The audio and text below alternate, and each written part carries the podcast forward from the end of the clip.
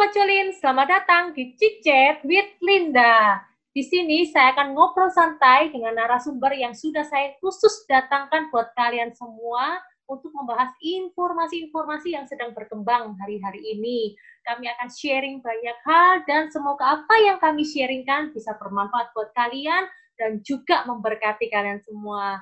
Oke, sebelumnya jangan lupa ya untuk like, komen, dan juga subscribe. Are you ready? Let's begin!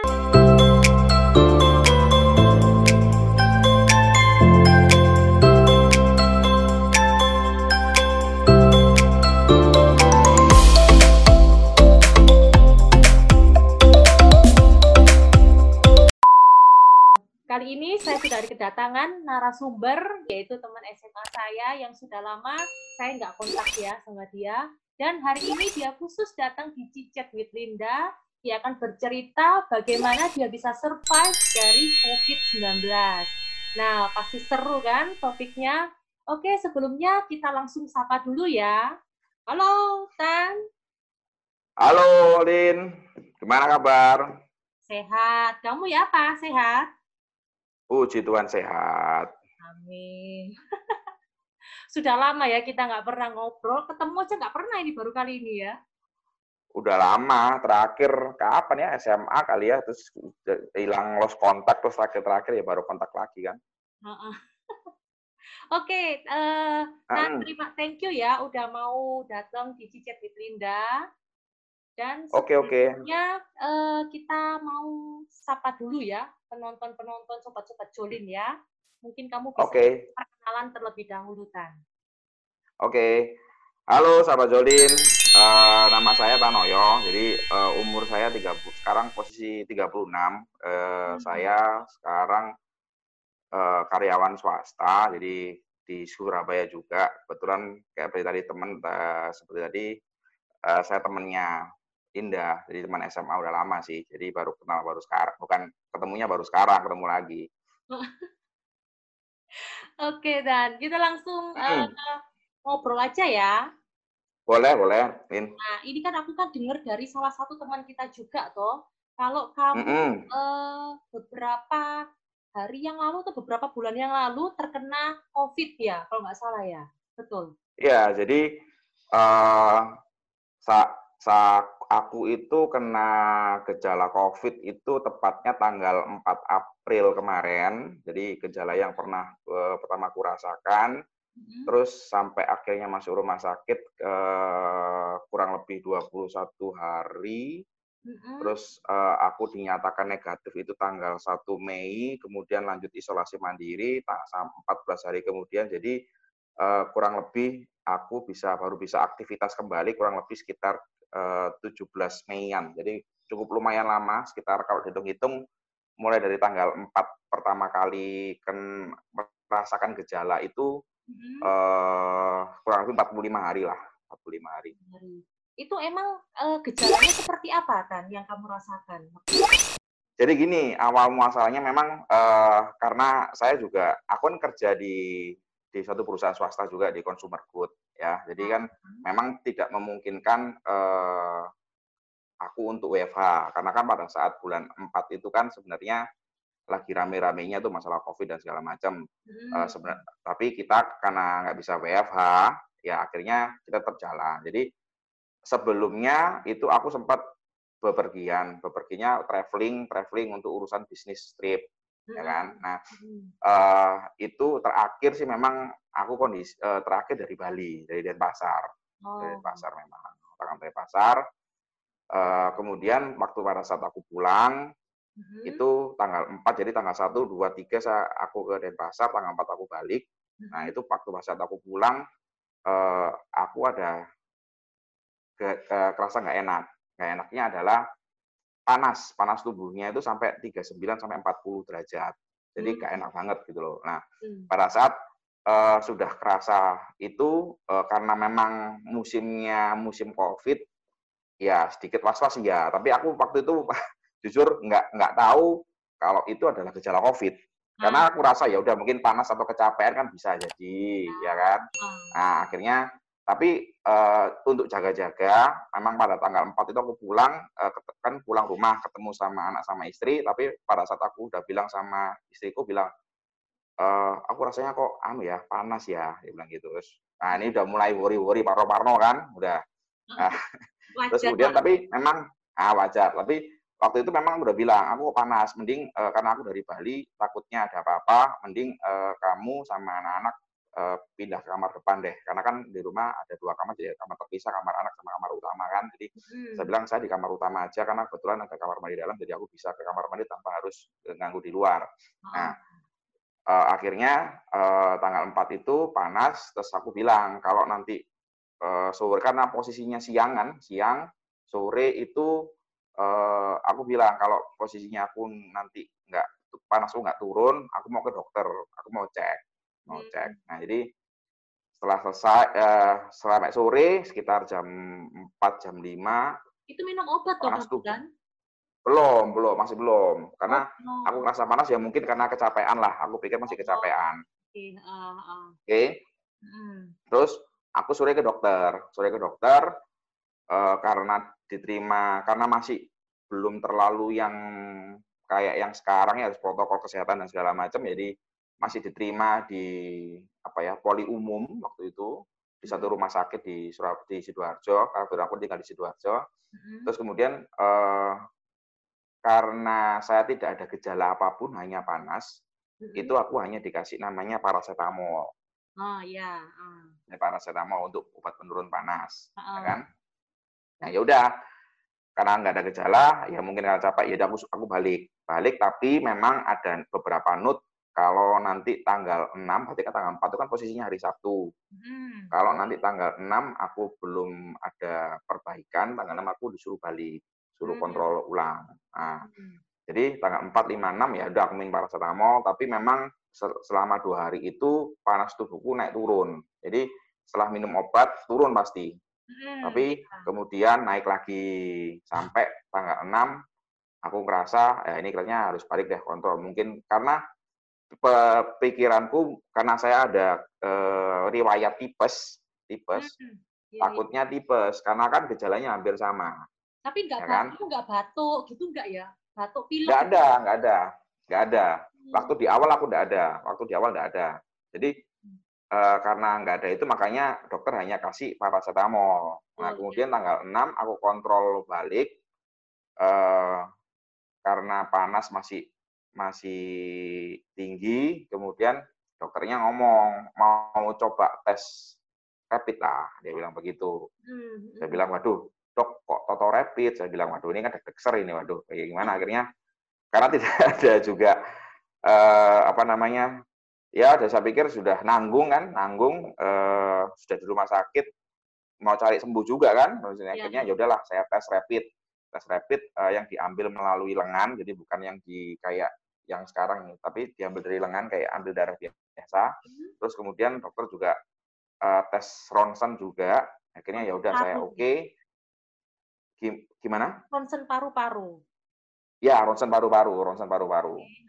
Karena kan memang itu uh, dua cara yang paling umum untuk deteksi COVID kan. Ya, nah, ya. jadi jadi waktu ambil tes darah sama ronsen, udah dapet nggak lama kok paling sekitar setengah jam kali ya hasil udah keluar.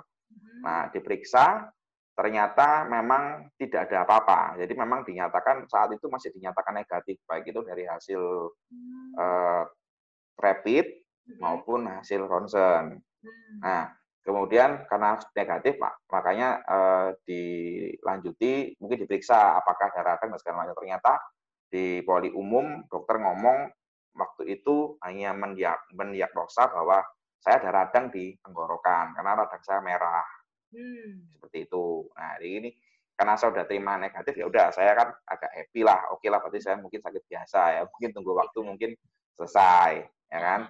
Ternyata oke okay, saya waktu itu uh, saya hanya dikasih obat panas untuk lanjutin, kasih vitamin, kemudian uh, antibiotik untuk meredakan radangnya tadi hmm. selesai.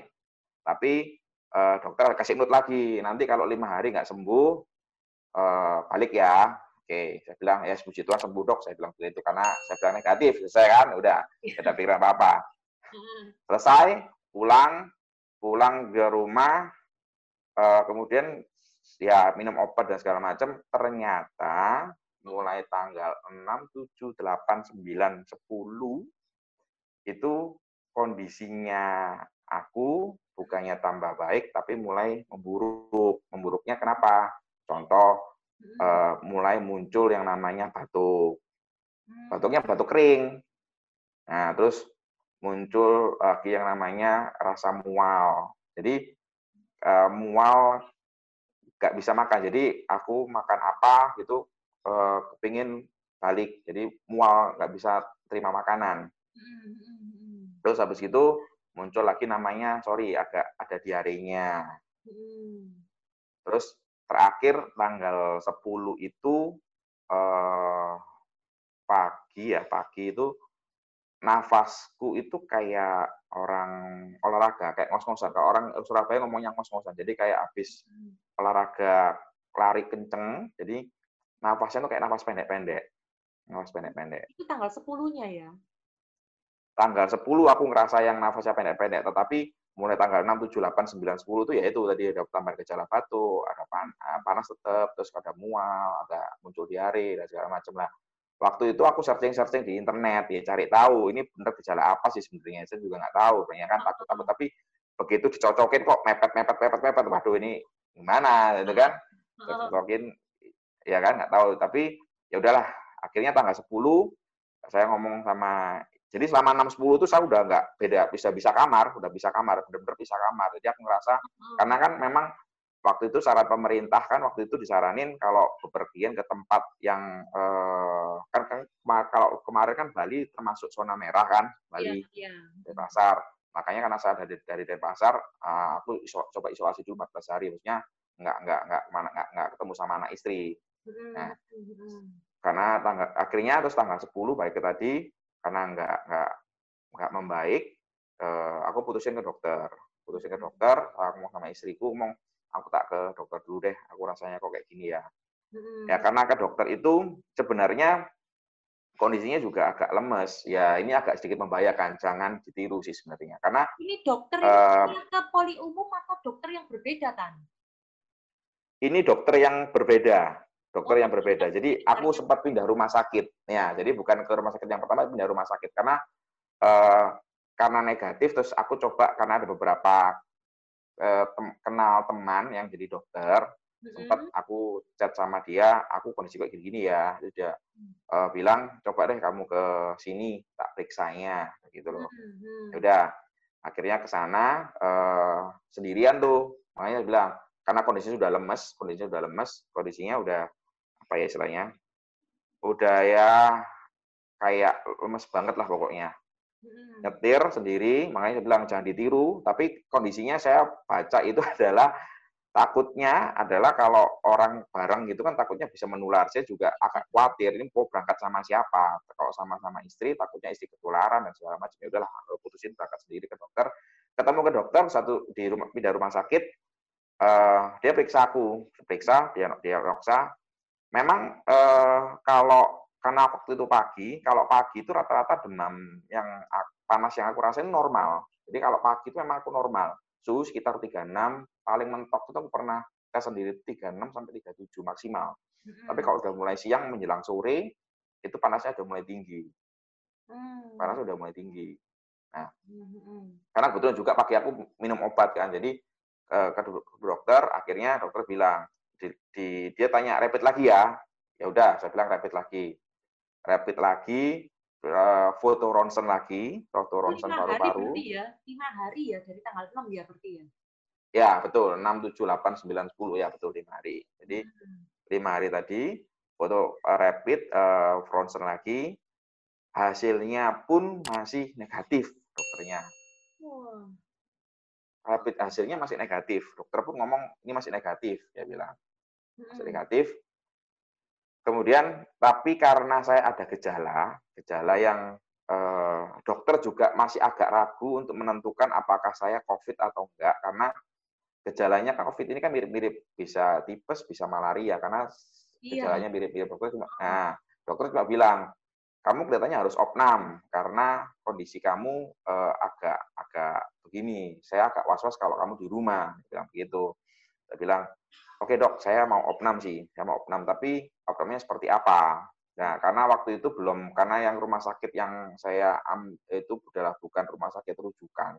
Hmm. Jadi uh, rumah sakitnya tidak berani uh, terima saya, karena kalaupun terima uh, itu adalah digabung di dalam satu ruangan besar, jadi gabung sama, sama pasien yang lainnya. Ya, yang terkena itu. Ya, yang sudah sudah diindikasi positif dan seterusnya. Tapi okay. uh, eh, karena waktu itu saya masih berpikiran bahwa oh saya itu hasil rapid negatif, ya hasil rapid negatif dua kali, masa saya positif sih, gitu loh. Hmm. Jadi saya tetap ngotot, saya nggak mau.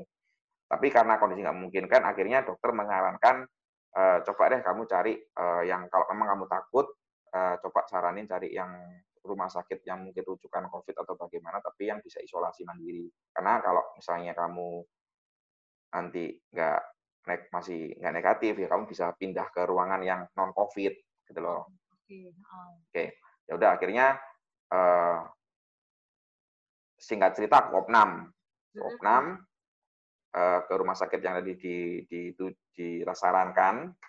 Kemudian waktu itu terima di UGD, aku terima aku dengan uh, berbagai surat pengantar dan lain-lain langsung diterima di UGD dan bisa diarahkan ke poli COVID waktu itu. Oh ada ya poli COVID ya? Ada, ada di Surabaya ada yang rumah sakit yang tadi saya bilang rujukan tadi. Oke. Okay. Uh. Di uh, di poli COVID diterima oleh seorang dokter yang memang dia tangani COVID. Kemudian saya tunjukkan semua, tapi saya nggak bisa banyak ngomong karena dia lihat kondisi saya. Dia cuma ngomong, e, kalau lihat kondisimu, saya langsung dokter bilang, kamu kelihatannya positif COVID. Dia bilang, tapi dok, saya hasil rapidnya negatif dan lain-lain. Ya, saya agak juga agak ragu. Tapi kalau lihat kondisi kamu, kamu positif COVID. Dokter bilang begitu. Tapi ya udah, karena kamu mau opnam, ya udah opnam ya, opnam dulu. Nanti kita lanjutin lagi. Jadi uh, saya bilang waktu itu udah saya setengah sadar, setengah enggak. Jadi pada saat masuk ke ruangan itu saya sudah didorong pakai kursi roda, kursi roda udah. Oh. Ya, jadi sudah setengah enggak sadar gitu dan setengah-setengah sama itu udah agak linglung lah. Setelah pokoknya ditangani, ditangani masuk ke uh, ruang isolasi, jadi itu sudah pasang infus karena kondisinya kan memang saya mual, jadi memang mual itu saya agak susah makan, susah makan, jadi pasang infus uh, karena nafas masih pendek-pendek, uh, pasang namanya oksigen, jadi uh, beda ya bukan respirator tapi oksigen, jadi selang oksigen biasa, jadi uh, sebagai bantuan untuk supaya uh, dapat oksigen lebih banyak itu aja. Terus kemudian uh, udah ditanganin sama mungkin di oh iya sorry sama rekam jantung jadi jantungnya direkam jadi sebentar aja. Uh, dokter cuma bilang besok saya akan tes kamu swab karena yang bisa menentukan uh, kamu positif covid atau enggak hanya swab. Memang rapidnya negatif tapi kalau uh, enggak ya udah nanti kamu memang sakit biasa saya akan pindahkan ke ruang yang lain. Oke setelah itu oke saya swab dokter bilang berturut-turut ya satu dan dua. Oke. Maksudnya kemudian uh, berturut satu dan dua itu bagaimana? Berturut-turut maksudnya hari ini kan tanggal 10 aku masuk tanggal 11 itu aku uh, swab yang pertama tanggal 12 swab yang kedua. Karena untuk membuktikan bahwa benar aku positif atau enggak untuk meyakinkan dokternya. Karena ada beberapa kejadian menurut dokternya positif tapi uh, negatif terus keduanya positif dan sebaliknya Oh, Karena ada beberapa kondisi saya juga nggak tahu sih kenapa seperti itu, tapi dokter mengatakan ada yang seperti itu. Nah, hmm. akhirnya tes swab pertama, kedua diambil tanggal 11 12 kan itu kan butuh waktu cukup lama. Jadi sekitar 4 atau 5 harian untuk bisa tahu keluar hasilnya. Jadi singkat cerita tadi tanggal 10 aku masuk itu pemulihan kondisi memang, pemulihan kondisi tapi memang eh, gejalanya sudah mulai mulai lumayan agak apa ya nggak enak badan lah panas tetap terus kemudian batuknya itu batuk kering kering bener-bener kering. Jadi semakin parah uh, kayak gatel ya ya kayak gitu loh. Hmm. semakin ya bilang parah ya lumayan lah. Jadi kondisinya agak berat itu sekitar di 7 atau 10 harian di awal. 7 10 harian 10 setelah pertama kali aku masuk opnam 7 10 hari itu agak lumayan lumayan parah lah. Jadi uh, batuk batuk terus. Jadi batuk itu kayak apa ya? Bisa nggak berhenti berhenti. Kadang uh, aku pernah coba lihat jam itu bisa sampai 5. Jadi agak mung, sampai bungkuk-bungkuk gitu loh sakitnya sampai kalau batuk gitu. Hmm. Nah, singkat cerita uh, keluarlah hasil tes swab yang pertama, hmm. tes swab yang pertama dan dinyatakan positif. Nah, dokternya datang, dia bilang, hasil kamu positif. Saya bilang, ah, saya positif dok. Ya, tenang, tenang. Dia bilang, masih ada hasil swab yang kedua. Dia bilang, oh ya wis. Ya, semoga tidak apa, semoga tidak apa. Ya udah, saya tunggu besok. Akhirnya besok keluar beneran dan dinyatakanlah saya positif yang kedua. Berarti saya benar-benar positif COVID karena hasil tes swab yang dua kali berturut-turut tadi itu. Swab uh, tunggu tan bedanya rapid dan swab itu gimana kan mungkin banyak yang belum oh. tahu oh. Oh iya, jadi gini, teman-teman yang tahu, kan sekarang rapid itu kan uh, screening awal. Jadi uh, ini berdasarkan, mohon kalau ada teman-teman yang uh, sahabat Jolin yang mungkin dokter, mungkin kalau ada yang salah saya di direvisi ya, karena ini setahu saya harus tanya. Jadi gini, rapid itu uh, hanya untuk mengetes yang namanya antibody. Jadi uh, hanya diambil sampelnya sampelnya dari darah. Jadi ambil darah. Jadi ada antibodinya yang muncul nggak? Karena sifatnya virus pasti akan muncul antibodi. Ya, nah kalau namanya swab itu diambil sampelnya melalui uh, lendir. Jadi diambilnya melalui tenggorokan dan melalui hidung.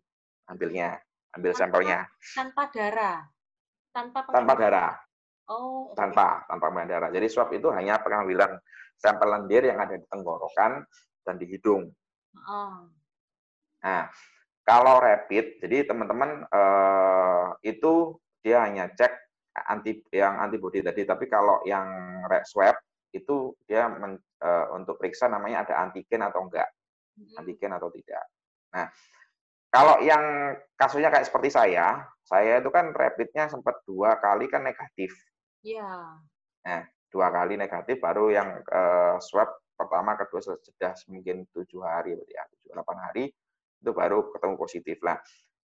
Uh, kalau teman-teman hasil swab rapid negatif itu bukan berarti bebas COVID kayak saya misalnya. Hmm. Karena kan awalnya negatif. Tapi kalau saat jadi bisa jadi kalau uh, yang dokter info ke saya kalau berarti kalau hasil tesmu negatif rapid, eh yang rapidnya negatif, itu bisa jadi antibodinya kamu belum keluar. Jadi belum ada antibodi untuk melawan virusnya, jadi belum ke, belum kedetek. Ya, tapi kalau misalnya hasil hasil rapidnya positif, itu bukan positif, bahasanya reaktif, bahasanya agak dibedain antara positif sama reaktif karena awal-awal orang nggak bingung. Nah, jadi kalau hasil rapidnya adalah reaktif, itu bisa jadi ada dua kemungkinan.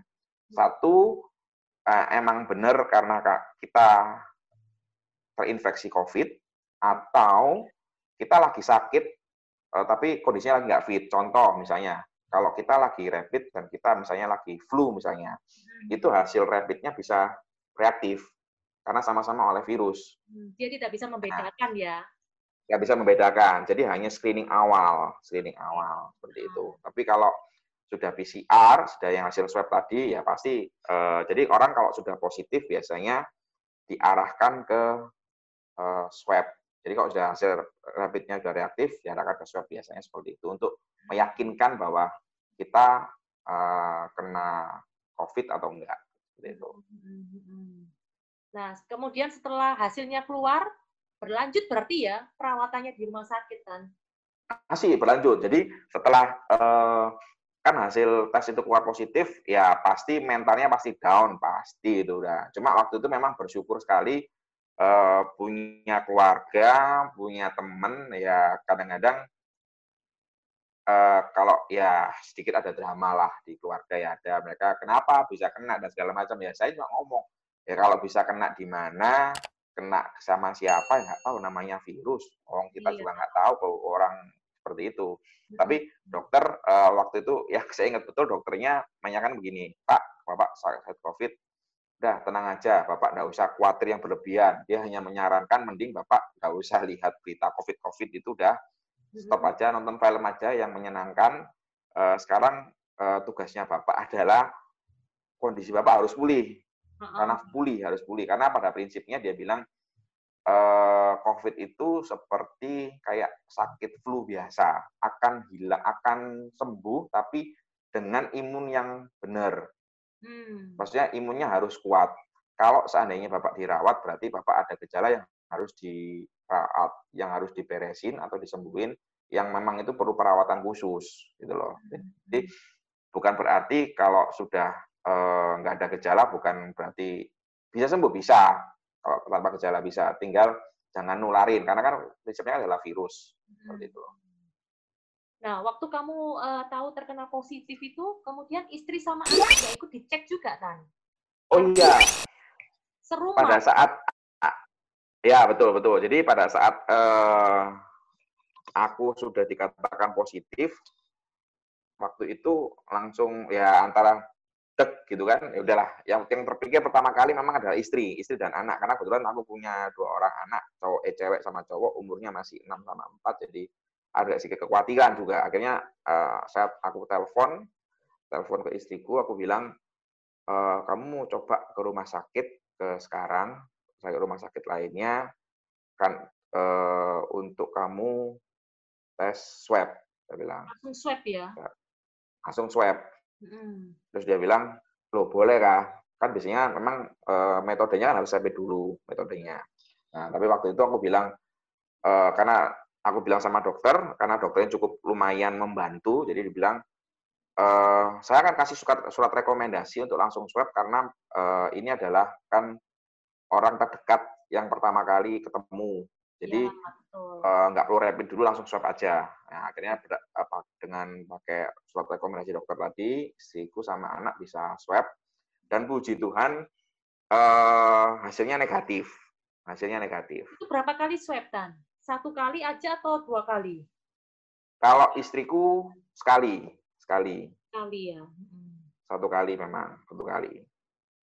Karena memang kebetulan begitu swab langsung negatif. Ya udah dokternya bilang ya kemungkinan masih aman lah. Terus waktu itu kan saya juga uh, menceritakan. Jadi pada saat setelah aku menerima uh, agak gejala itu kan aku sudah mulai mengisolasi diri dalam tanda kutip secara nggak langsung sudah mengisolasi diri sendiri. Jadi nggak sempat uh, berhubungan atau ber, berkomunikasi atau bersosialisasi sama istri sama anak gitu loh.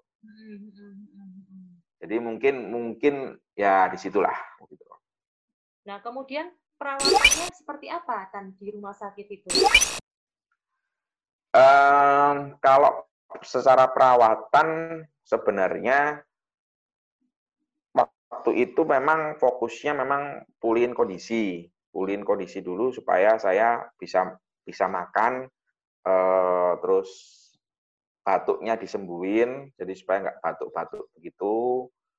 Sama kasih vitamin sebenarnya. Ya ada beberapa obat aku nggak tahu namanya apa yang pasti kalau aku tanya sama dokter itu eh, antibiotik. Saya juga nggak tahu lupa namanya apa. Karena memang itu di opnam terus selama itu atau sudah cabut opnamnya? Opnam atau infus? Oh, di infus, di infus untuk karena kan kamu oh, infus. makan waktu itu tuh. Ya, Aku infus itu uh, waktu awal-awal agak intens, jadi nggak lepas. Tapi setelah agak membaik, kurang lebih masuk hari ke berapa ya? Hari ke 10, eh 10 atau 11 lupa. Pokoknya setelah hasil swab yang kedua keluar, jeda dua hari, itu infusnya sudah nggak intens, tapi memang masih dikasih pada saat malam hari aja. Saya nggak tahu itu obat apa, jujur saya nggak tahu. Jadi aku hanya dikasih obat infus itu hanya di malam hari. Nah, jadi uh, dikasih obat minum sama infus di malam hari sama beberapa injeksi uh, juga di biasanya pagi, siang sama menjelang malam jadi tiga kali. Tapi kalau tanya obatnya apa saya juga ngerti deh itu obatnya apa aja juga. Gitu loh. Jadi memang kalau perawatannya ya pasti ada obat pasti diminum gitu loh. Yang pasti dokter hanya eh, apa namanya mengembalikan kondisi tubuhnya supaya normal dulu. Karena yang paling penting adalah itu. Terus kedua adalah uh, mengenai pikiran. Nah, ini pikiran nih. Dokter bilang jangan stres. Tapi kalau melihat kondisi seperti itu, siapa orang yang nggak stres kalau dia udah positif? Dan seperti itu, apa sih stresnya minta ampun? Aduh, saya aja stres, stres minta ampun. Itu kan nggak kamu kan nggak boleh dijenguk sama siapa kan pastinya kan waktu itu ya? Nggak boleh nggak boleh nggak boleh. Jadi uh, karena waktu itu kan uh, aku masuk sendirian tidak ada prepare baju dan segala dan lain-lainnya. Jadi memang baju disediakan dari rumah sakit. Jadi aku pakai baju itu uh, dijenguk tidak boleh. Jadi yang boleh masuk ke ruangan itu cuma dokter suster sama OB itu pun ada jamnya tidak bisa sembarangan kecuali aku panggil. Aku yang panggil misalnya aku butuh sesuatu yang memang tidak bisa aku lakukan sendiri aku panggil boleh tapi ada jamnya. Karena mereka harus pakai uh, eh, APD ya? APD lengkap. Jadi. APD lengkap kemudian uh, masih didobelin lagi kayak semacam jas hujan gitu ya jas hujan. Jadi kalau mereka setelah uh, masuk dari ruangan setelah masuk ruanganku uh, memeriksa atau apa keluar jas hujannya itu harus mereka lepas dan hmm. dibakar. Jadi mereka harus pakai ganti lagi uh, kayak semacam jas hujan yang baru. Jadi melapisi dulu di depan. Hmm. Seperti itu. Itu kamu satu ruangan berapa orang kan waktu di rumah sakit itu? Kebetulan aku waktu di rumah sakit uh, satu kamar satu orang. Kebetulan satu kamar satu orang. Karena memang uh, waktu itu masih belum terlalu banyak orang yang masuk ke rumah sakit yang karena infeksi COVID sih waktu itu. Bukan dirujukan rumah sakitnya? Uh, karena yang di rumah sakit itu rumah sakit swasta kan harusnya kalau di Surabaya setauku itu kan rumah sakit rujukannya di Surabaya itu adalah di Dr. Sutomo ya. Iya. Nah, ya. sebagai eh sama Air Langga kalau nggak salah ya. Itu sebagai rumah sakit rujukan utama. Terus kemudian ada beberapa rumah sakit swasta lainnya yang dikasih. Lah kebetulan aku di rumah sakit yang swasta tadi itu. Oh, oke okay, oke. Okay. Nah, kemudian saya dengar-dengar saya pernah kan baca-baca juga kan kan. Tipsnya hmm. kan biasanya perawatannya kan harus uh, dijemur, berjemur juga. Terus makan hmm. telur kalau nggak salah. Memang seperti itu kan perawatannya? Kalau berjemur eh, karena aku nggak bisa boleh keluar, memang tapi ruang yang aku tempati, yang aku tempati nggak tahu itu mungkin lagi betul atau enggak, saya belum pernah tanya. Cuma uh, kamar yang tempat itu tanpa ada tirai, tanpa ada tirai. Hmm. Uh, jadi secara nggak langsung sinar matahari itu masuk ke ruangan. Oh. Okay. Dan ya karena terus sudah mendekati ya maksudnya pas kondisiku lagi sudah bisa enak, bisa jalan apa segala macam ya aku coba sedikit olahraga pelan-pelan ya stretching lah, tapi memang secara nggak langsung sinar mataharinya udah masuk ke ruangan tanpa ada tirai memang waktu itu. Hmm. Nah, untuk mengenai makan, eh, sebenarnya kalau dibilang telur sih enggak, tapi memang harus banyak protein. Harus banyak protein memang. Nah, masalah protein kan banyak, bisa dari telur, ai, eh, tahu, dan sebagainya. Tapi memang saat itu menu eh, yang aku konsumsi saat itu memang lebih banyak ke, ke menu sehat lah, sayur, Terus hmm. kemudian ada proteinnya, ada karbohidrat yang pasti, kemudian sesekali dua hari sekali dikasih beberapa susu. Jadi hmm. lebih eh, makanan yang empat sehat lima sempurna tadi itu. Jadi nggak mur, nggak murni melulu telur sih. Yang penting makanan sehat yang cukup untuk bisa diterima sama tubuhnya seperti itu. Hmm. Nah kemudian eh, taunya bagaimana kan kalau itu sudah negatif COVID-nya? Nah, gini, jadi pada saat aku terima positif itu, uh, kemudian jeda dua hari, dokter periksa, terus kemudian kan kondisi kan sudah mulai membaik tuh, mau mulai hari ke-10, 11, 12, ya 12 kan kondisi sudah mulai agak membaik. Mm-hmm. Nah itu uh, dokter bilang, uh, kamu tes saya swab ya, nanti supaya saya tahu, karena uh, supaya tahu kondisimu masih kamu masih negatif. Jadi yang mem bisa membuktikan aku negatif atau enggak ya melalui swab. Jadi aku sempat akhirnya swab yang ketiga, swab, terus tunggu lagi lima hari. Itu swab ketiga aku masih kondisinya masih positif, masih positif, masih positif. Tapi memang secara fisik sudah jauh lebih baik. Maksudnya jauh lebih baik sudah uh, infusku udah dilepas total, udah nggak pakai infus. Mm-hmm. Kemudian uh, batuk ada batuk tapi nggak banyak, maksudnya uh, ya sesekali lah, nggak seperti yang di awal. Panas sudah nggak panas sama sekali. Terus kemudian mual sudah cukup lumayan, mualnya sudah hilang, jadi sudah bisa makan enak. Uh, diare sudah nggak ada. Gimana? Masih sesak nafas? Uh, kalau sesak nafas sih enggak, tapi kalau orang nafas misalnya nafas panjang gini, kalau normal kan bisa. Nah, waktu itu saya mungkin agak sedikit nggak enak, tapi lebih lebih mending lebih mending, lebih mending. Oke, oke. Nah, gitu. Nah, terus uh, setelah itu nah, setelah nah, jadi, ketika masih positif? Ya udah, karena masih positif, dokter bilang e, karena kita karena pemerintah masih e, memberikan protokol bahwa kalau saya positif kan nggak mungkin saya keluar. Jadi hmm. swab lagi yang keempat dan harus uh, apa namanya sampai hasilnya negatif. Itu swab yang Jadi, swab keempat itu kapan? Kan? Swab keempat itu jeda dua, uh, satu hari setelah hasil swab yang ketiga keluar. Oh, jeda setelah hasil keluar ya? Hasil, hasil keluar. Ya. ya, setelah satu mingguan. Ya, kurang lebih lima enam hari lah. Hmm. Itu setelah keluar. Uh, swab yang keempat. Nah, swab keempat uh, dokter waktu itu cuma bilang e, karena kondisinya bapak sudah cukup baik, maksudnya sudah ya karena itu sudah bisa aktivitas sih walaupun nggak bisa ngapa-ngapain ya tetap di ruangan itu nggak bisa ke mana-mana. Ya tapi e, sudah bisa aktivitas karena aku bilang tadi jadi info sudah dilepas e, sudah bisa aktivitas makan dan segala macam e, obat pun sudah nggak ada injeksi hanya obat minum itu pun dokter sudah bilang dosisnya sudah dikurangin dosisnya sudah dikurangin eh, dokter cuma bilang kalau hasilmu nanti swab yang negatif, keempat negatif, saya izinkan kamu pulang. Seperti itu. Itu obat-obat minumnya ya obat-obat untuk menaikkan imun ini ya? Obat imun? Uh, setahu saya obatnya cuma yang pasti ada antibiotik, uh-huh. uh, vitamin, vitamin B kompleks kalau nggak salah ya, lupa aku. Uh-huh. Itu sama obat mual itu aja. Oh, oke. Okay. Uh-huh. Nah, kemudian setelah itu swabnya yang yang keempat. Ya, akhirnya swab yang keempat, puji Tuhan tanggal 1 saya pagi-pagi dibanguni suster, Pak, hasilnya Bapak sudah keluar, langsung saya bangun, saya bilang, gimana sus hasilnya?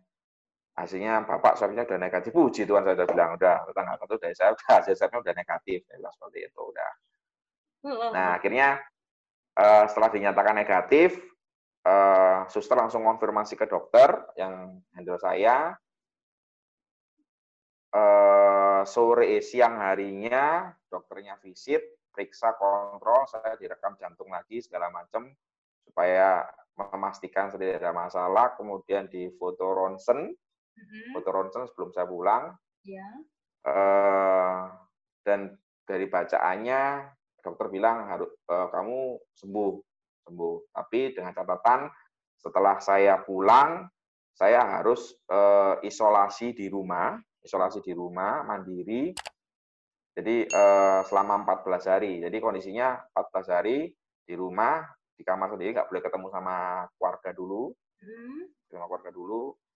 Setelah, sambil nanti uh, seminggu kontrol sampai 14 hari dinyatakan sembuh, ya baru saya boleh aktivitas kembali. Nah, waktu kamu pulang ke rumah itu tetap minum obat, dikasih resep obat atau enggak, Tan? Masih, masih, masih, masih. Iya. Jadi obatnya masih uh, masih ada, jadi tapi antibiotiknya sudah dilepas yang dikasih hanya obat uh, batuk karena saya masih ada batuknya, hmm. kemudian uh, vitamin itu aja. Itu aja. Kalau untuk sampai uh, tanggal Ya, itu aja. Untuk makanan khusus nggak ada? Nggak ada. Jadi kalau ada, nggak ada. kemudian kan e, waktu kamu ke isolasi diri 14 hari, seminggu itu balik ke dokter lagi tuh untuk dicek apa, Tan?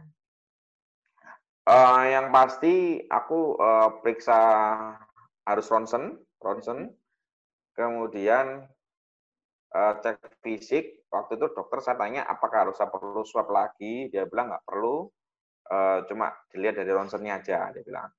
Hmm. Jadi hanya periksa fisik, uh, kontrol biasa, sama ronsen. Nah, gitu. kemudian Tuh. hasilnya sudah oke, okay, negatif. Gituan hasilnya sudah oke. Okay. Jadi sudah kembali seperti dia kala dan baru kali itu aku ditunjukin hasilnya ronsen pada saat aku opnam pertama kali. Jadi kan aku bilang di awal kan sempat opnam yang ya. waktu pertama kali masuk kan ronsen lagi. Nah itu eh, baru dikasih tahu. Jadi perbedaannya kelihatan nggak? Kelihatan. Jadi pada saat masuk itu baru uh, hasilnya itu aku ada sedikit kabut putih-putihnya begitu. Jadi kayak orang, karena kebetulan aku kan bukan perokok. Jadi kalau dokter bilang uh, kayak orang bronkitis, kayak orang perokok hasilnya yang di awal. Tapi begitu sudah sembuh, sudah clear, bersih, nggak ada nggak ada apa-apa. Hmm, Oke. Okay. Gitu. Nah, kemudian kalau menurut dokter itu, apakah kalau kita sudah terkena COVID itu bisa kambuh lagi, Tan? Atau kita sudah nah. produksi antibodi? Gini, kalau secara medis, dokter bilang sebenarnya antibodi saya sudah terbentuk sebenarnya. Mm-hmm. Uh, tapi apakah bisa terjangkit lagi? Dokter bilang 100% bisa. 100% bisa. Okay. Dia bilang, loh dok, kenapa kok seperti itu? Nah, uh, dokterku waktu itu uh, menganalogikan seperti ini. Karena ini adalah virus, virus, uh, analoginya seperti kayak orang kena flu atau influ, flu atau influenza. Jadi orang sudah kena flu sembuh, apakah bakal nggak kena flu lagi? Bisa. Nah seperti itu. Karena ini kan adalah virus. Tetapi kalau orang yang yang ditakutkan sama dokter adalah mungkin uh, aku kena dengan kan ini kan virus-virus bisa di, bisa bermutasi kan iya, bisa iya. bermutasi nah kalau sama virus yang nggak bermutasi kemungkinan kamu kena mungkin nggak terlalu banyak tapi yang takutin kalau virusnya bermutasi itu yang bisa menyebabkan kamu kan bisa kena lagi seperti itu Oh gitu ya. Wah berarti ini kan nggak hmm, akan nggak akan habis-habisnya ya kalau misalkan bisa kena lagi bisa kena lagi gitu kan? Ya, betul, betul. Betul. Jadi uh, ya sama aja kayak kita kena flu, apakah flu itu selesai berhenti kan enggak? Pasti ada suatu saat ada yang kena flu seperti itu ya, seperti itu. Jadi jadi kalau dokter bilang ya virus ini ya karena namanya virus, karena kita juga nggak ngerti dan masih belum ada vaksinnya sih yang yang sampai sekarang kan jadi permasalahan belum ada vaksinnya. Hmm. Jadi uh, bakal kena lagi bisa seperti itu. Oke. Nah, tadi saya lupa tanya, waktu kamu kontrol itu kan uh, itu dicek lagi ya, di swab lagi itu enggak enggak perlu kan? Enggak. Hanya waktu itu dokter waktu uh, kontrol saya sempat tanyain dokter bilang nggak perlu swab, hanya perlu ronsen. Jadi dia lihat hasil fotonya dulu. Mm-hmm. Kalau hasil fotonya masih menurut dia membutuhkan swab, ya saya swab. Cuma waktu itu setelah di ronsen, dibacain, diperiksa, ternyata uh, hasil paru-parunya clear, jadi nggak perlu nggak perlu swab. Hmm. Kemudian kan harus isolasi mandiri seminggu lagi toh waktu itu ya berarti ya. Betul, betul, betul, kasih, betul. Kasih resep obat juga sampai satu minggu itu. Enggak, jadi waktu itu setelah dikontrol uh, obatnya yang obat batuk untuk batuk disuruh stop, tapi dengan catatan kalau kamu batuk yang diminum aja, tapi vitaminnya suruh habisin, udah itu aja. Setelah Jadi itu, ada tambahan obat lagi. Setelah habis sudah selesai. Sudah selesai, nggak ada lagi. Nggak perlu kontrol lagi ke dokternya? Uh, enggak, enggak perlu, enggak perlu. Oh, oke oke. Gitu. Nah, apa namanya? Uh, sekarang saya mau tanya Tan, saran-sarannya buat Sobat Joli itu bagaimana kok bisa survive dari COVID? Karena kan banyak juga kan berita yang meninggal kan juga banyak ya. Betul. Nah, tips dari Tanoyo sendiri seperti apa menghadapi COVID supaya bisa survive gitu loh, bisa sembuh gitu loh? Sebenarnya eh, tergantung gejala ya, tergantung gejala. Jadi gejala itu kan gejala umum yang dialami COVID yang seperti tadi panas, batuk, terus ada diare, lemes dan segala itu kan gejala umum yang dialami orang eh, kena COVID. Nah, ya. tapi untuk sembuhin yang pasti satu eh, pikiran harus nggak boleh stres. Karena itu nanti kembali ke imun itu yang pertama. Yang kedua karena puji Tuhan aku nggak ada penyakit bawaan nggak ada penyakit bawaan seperti diabetes dan seterusnya nggak ada. Jadi mungkin uh, karena karena itu juga yang membuat uh, prosentaseku untuk kesembuhannya semakin gede. Nah, tetapi yang membuat masalah itu kan banyak yang kejadian uh, kasus meninggal itu kan karena ada dia ada penyakit bawaan. Oh. Penyakit bawaan yang membuat karena itu kan secara fisik lemes, kayak saya bilang tadi lemes gitu loh. Jadi lemes, nggak bisa ngapa-ngapain, maksudnya benar-benar fisiknya drop. Nah itu yang mungkin akan memperparah kalau dia ada penyakit bawaan. Tapi kalau pada prinsipnya kalau mau suruh atau enggak, yang paling penting ngomongnya sih enak, ngomongnya sih enak, jangan stres. Tapi saya yang jalanin dia juga stres. Jadi kan di kamar uh, ngapa-ngapain seharian gitu. Iya, betul. Ya mungkin hanya ditemani TV gitu, temani TV. Jadi uh, berusaha untuk uh, tidak berpikiran negatif. Jadi berpikiran positif, maksudnya ya waktu itu sih aku punya tekad kuat adalah aku harus sembuh, aku harus sembuh karena uh, kalau aku nggak sembuh susah nanti yang lainnya. Gitu. Karena kan semua, karena yang pasti kemauan sembuhnya harus kuat, benar-benar harus kuat dan uh, ditanamin di otaknya dan aku harus sembuh sembuh sembuh sembuh jadi ya puji Tuhan ya karena doa juga orang keluarga mama istri anak doain semua teman-teman doain semua ya karena Tuhan juga yang bisa buat aku sembuh juga gitu loh. Jadi tipsnya ya memang harus nggak boleh stres udah nggak boleh stres benar-benar stres stresnya harus dilawan memang benar-benar harus dilawan. Oh gitu ya. Itu kalau selama hmm. selama perawatan gitu istri boleh kontak-kontak? Boleh boleh kan? Nggak masalah kan telepon atau apa? Uh, kontak hanya melalui video call karena kan nggak boleh nggak boleh ketemu. Ya ya uh. masih boleh diizinkan tapi kalau sudah terlalu lama pegang gadget kadang-kadang biasanya susternya datang kadang diomelin pak. Karena kan kalau pegang gadget itu biasanya kan uh, entah mau lihat berita mau lihat apa kadang-kadang kan uh, fisik terkuras padahal harus di benar-benar harus istirahat total supaya uh, imunnya kembali seperti itu. Oke. Wah, luar biasa ya. Berarti masih ada pengharapan ya Tan ya buat orang yang uh, terkena Covid untuk sembuh ya. Pasti harus ada. Jadi teman-teman kalau yang kena Covid, yang paling penting teman-teman jangan stres dulu. Terus uh, down gitu ya mentalnya ya ya mentalnya jangan down dulu, jangan down dulu. Ya memang sih saya bilang tadi ngomong sih enak, yang jalanin setengah mati. Tapi kalau saya udah jalanin, ya memang salah satunya yang membuat bisa uh, recovery adalah pikirannya jangan sampai stres dan harus memang ya banyak berdoa. Berdoa itu kan salah satu uh, yang bisa menenangkan pikiran kan, yang menenangkan hmm. pikiran. Ya kalau dibilang pasrah ya pasrah. Kondisi seperti itu kita mau siapa ya pasrah. Ibaratnya mau dikasih obat apa aja di apa ini saya pasrah namanya saya juga ngerti gitu loh. Tapi yang paling penting adalah memang pikiran harus tenang dan hatinya harus seneng sih gitu loh. Itu aja ya tips-tipsnya hmm. ya. Tipsnya cuma itu. Oke. Ada yang mau kamu sharing lagi? Uh, apa ya? Mungkin teman-teman perlu yang saya sharing adalah begini. Ini kan adalah virus jadi teman-teman tetap uh, karena sebenarnya kalau pada saat ada sedikit kejadian unik sih, uniknya adalah begini. Yang saya bilang tadi, semua orang pasti akan tanya, kok bisa kena positif sih? Emang kamu nggak pakai masker? Kamu nggak pakai, uh, nggak sering cuci tangan? Nggak kenapa? Saya waktu itu hanya menyang, uh, ngomong, loh saya itu pakai masker. Kalau pakai hand sanitizer bawa, cuci tangan, ya saya ingat saya, saya cuci tangan, saya bilang. Cuci tangan, ya dibilang rajin sekali, ya mungkin sekarang lebih rajin daripada yang kemarin. Nah, tapi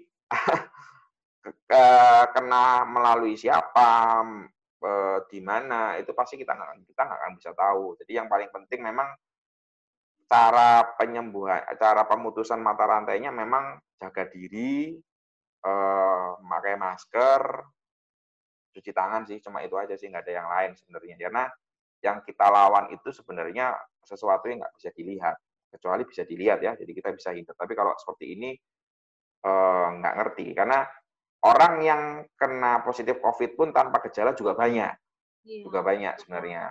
Nah, hmm. eh, apakah mereka sadar ya kalau kayak awal tadi orang saya aja kondisinya seperti itu saya masih aja berpikiran saya nggak positif saya positif walaupun hasilnya hasilnya menunjukkan saya positif tapi ya semua orang pasti nggak mau sakit kan semua orang ya kalau nggak kalau udah nggak ada gejala seperti itu ya kita nggak akan bisa tahu gitu dia membawa virus atau enggak atau kan kita juga ngerti gitu. tapi yang penting dengan kondisi sekarang apalagi sekarang sudah kondisi new normal ya jadi saran saya untuk masalah protokol kesehatan, eh, pakai masker, cuci tangan, saling sering cuci tangan. Ya kalau sekarang mungkin jangan sharing barang-barang yang digunakan sehari-hari eh, ke, ke teman sih atau ke siapa, jangan berbagilah. Terus eh, bahkan di keluarga pun sudah mulai pisah-pisah. Ini saya, ini istri, ini anak, jadi nggak campur-campur. Jadi ya, apalagi sekarang sudah mulai aktivitas kembali, kita juga nggak ngerti sih. Jadi prinsipnya uh, protokol kesehatan yang penting sebenarnya. Oke, Sobat Jolin, demikianlah sharing-sharing saya dengan Tanoyo tentang bagaimana dia bisa survive dari COVID. Dan saya berharap apa yang kami sharingkan bisa bermanfaat buat kalian semua. Dan tetap semangat, tetap uh, punya keyakinan bahwa COVID itu bisa sembuh ya. Jadi jangan down, jangan sampai berpikiran negatif yang aneh-aneh, tetap berpikiran positif, dan tetap punya semangat untuk hidup ya. Oke, okay, sekian. Thank you Tan buat waktunya. Oke. Okay. Sampai ketemu. Yo, thank you. Ya. Bye. Bye.